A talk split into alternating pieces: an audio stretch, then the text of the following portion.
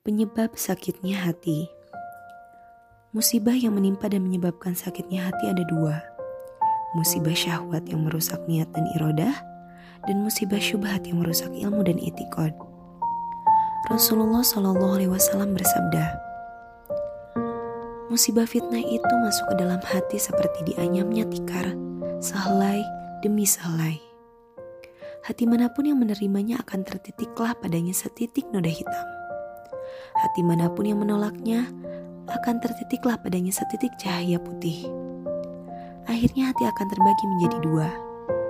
Hati yang hitam legam, cekung, seperti gayung yang terbalik, tidak mengenal kebaikan, tidak pula mengingkari kemungkaran selain yang dikehendaki oleh hawa nafsunya.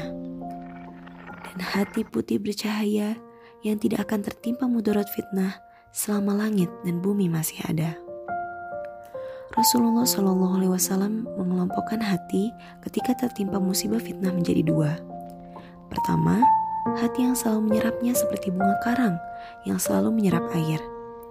Maka tertitiklah padanya setitik noda hitam. Demikian seterusnya, sehingga hati itu menjadi hitam dan terbalik. Inilah maksud tamsil beliau, seperti gayung yang terbalik. Jika telah hitam dan terbalik, maka akan datanglah dua penyakit yang sangat berbahaya yang akan menghantarkan ke jurang kehancuran. Tercampur aduknya kebaikan dengan kemungkaran, sehingga ia tidak lagi mengenalinya. Bahkan mungkin ia akan dikuasai oleh penyakit ini, sehingga ia meyakini kemungkaran sebagai suatu kebaikan, kebaikan sebagai kemungkaran, sunnah sebagai bid'ah, bid'ah sebagai sunnah, kebenaran sebagai kebatilan dan kebatilan sebagai kebenaran. Penyakit kedua adalah menjadikan hawa nafsu sebagai hakim, pemimpin dan panutan dengan meninggalkan semua yang dibawa oleh Rasulullah Wasallam.